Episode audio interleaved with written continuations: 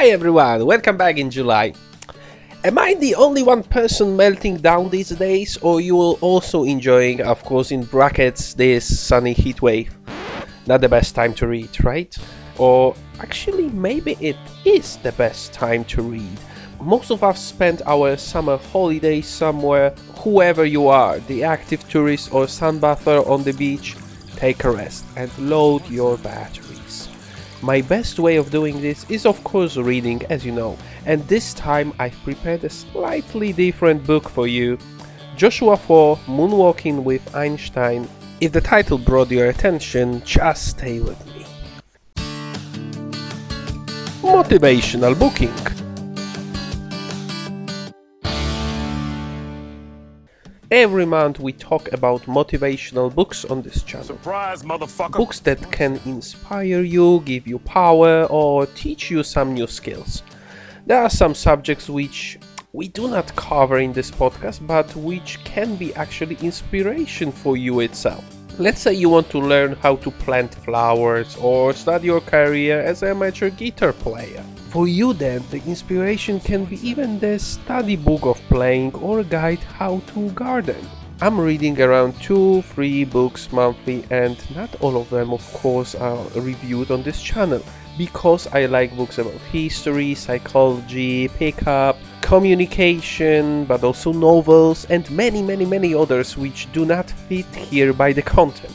I strongly recommend you doing the same. Just get out of this inspirational cycle for a while and yeah, read for fun. Therefore, this month I have chosen the book From the Edge. So let's go into details. Joshua Foer is a journalist who decided to participate in USA Memory Championship in 2006 after only around half of the year of decent preparation. He became a champion and this book describes how he as an ordinary person mastered himself to fight with the professionals and win memory is a secret place in our head whenever you try to recall how i know this person i've just seen or where i put my keys last night or how to get to my work the place called hippocampus is activated and the information is searched while spending so much time with memory masters, Joshua noticed that they are not so really special people and nothing really differs them from the rest of us, which they can't even admit. Having it in his mind, he decided to do an experiment and learn memory techniques the hard way with their help. This book will show you what he has done step by step. My version of a book has around 300 pages, 11 chapters, notebook format, and it's written in a quite interesting way. Uh, why I use the word quiet? Uh, well, let's go into details. I gave you a short description of what the book is all about. Probably like me, you're thinking now about the sophisticated source of memorizing techniques, which is kind of obvious after the introduction. I thought the same way. However, the book is actually more about psychology itself and the short biography of the author of the book. You can, of course, find the answer how to memorize techniques, but that's not the core.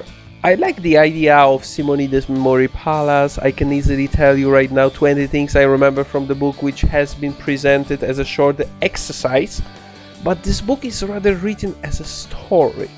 As a journalist, Joshua decided to sacrifice a year to go deeply into environment of memory masters, mostly from Europe.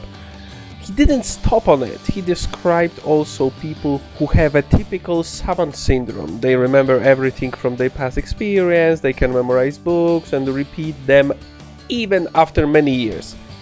Yes, whole books but there is even more interesting things about uh, the savants uh, you can be shocked about. Just type savant syndrome in Google to find out more about them or buy the book, which presents many interesting histories of all those people.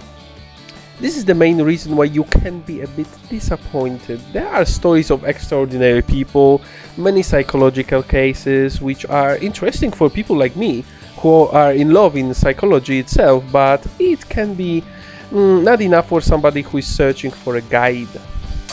Moreover, Joshua's language sometimes becomes quite scientific, quite academic. And that's not really easy to read if you expect the light book. I believe the idea of the book was to present the championship itself, techniques, as the story of Joshua.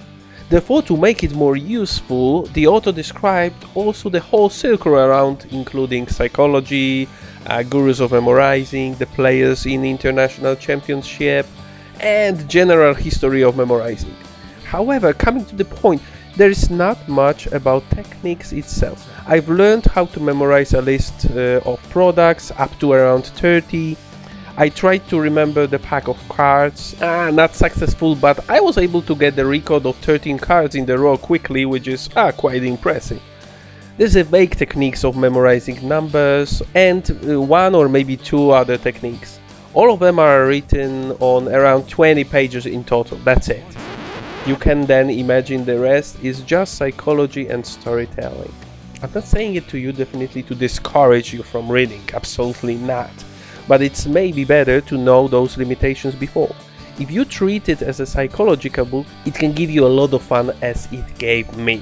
What I can say is also that these 300 pages I read quite quickly within around 7 days despite of the scientific language from time to time which I believe makes it as a good recommendation. If I would then rate the book, I would give 7 out of 10. Really nice story which can teach you important ability to memorize things. In our times it's not that essential, right? We can easily add a note in our smartphone, but anyway, it's good to impress someone from time to time and just go through your memory palace and put the things in it or clean it after all. Solid stuff, especially for summer to learn about ourselves as humans or how to not forget the pack of belongings for holidays. I warmly recommend it. Thanks for choosing the channel and for listening. I haven't told you before, but you probably hear that I'm quite sick. I got cold in 40 degrees temperature, which is kind of crazy, but well, what can I do? Enjoy the sun, avoid jumping between hot and cold spaces as I did. Rest on your holidays, read in your free time, and we hear each other in August. Bye.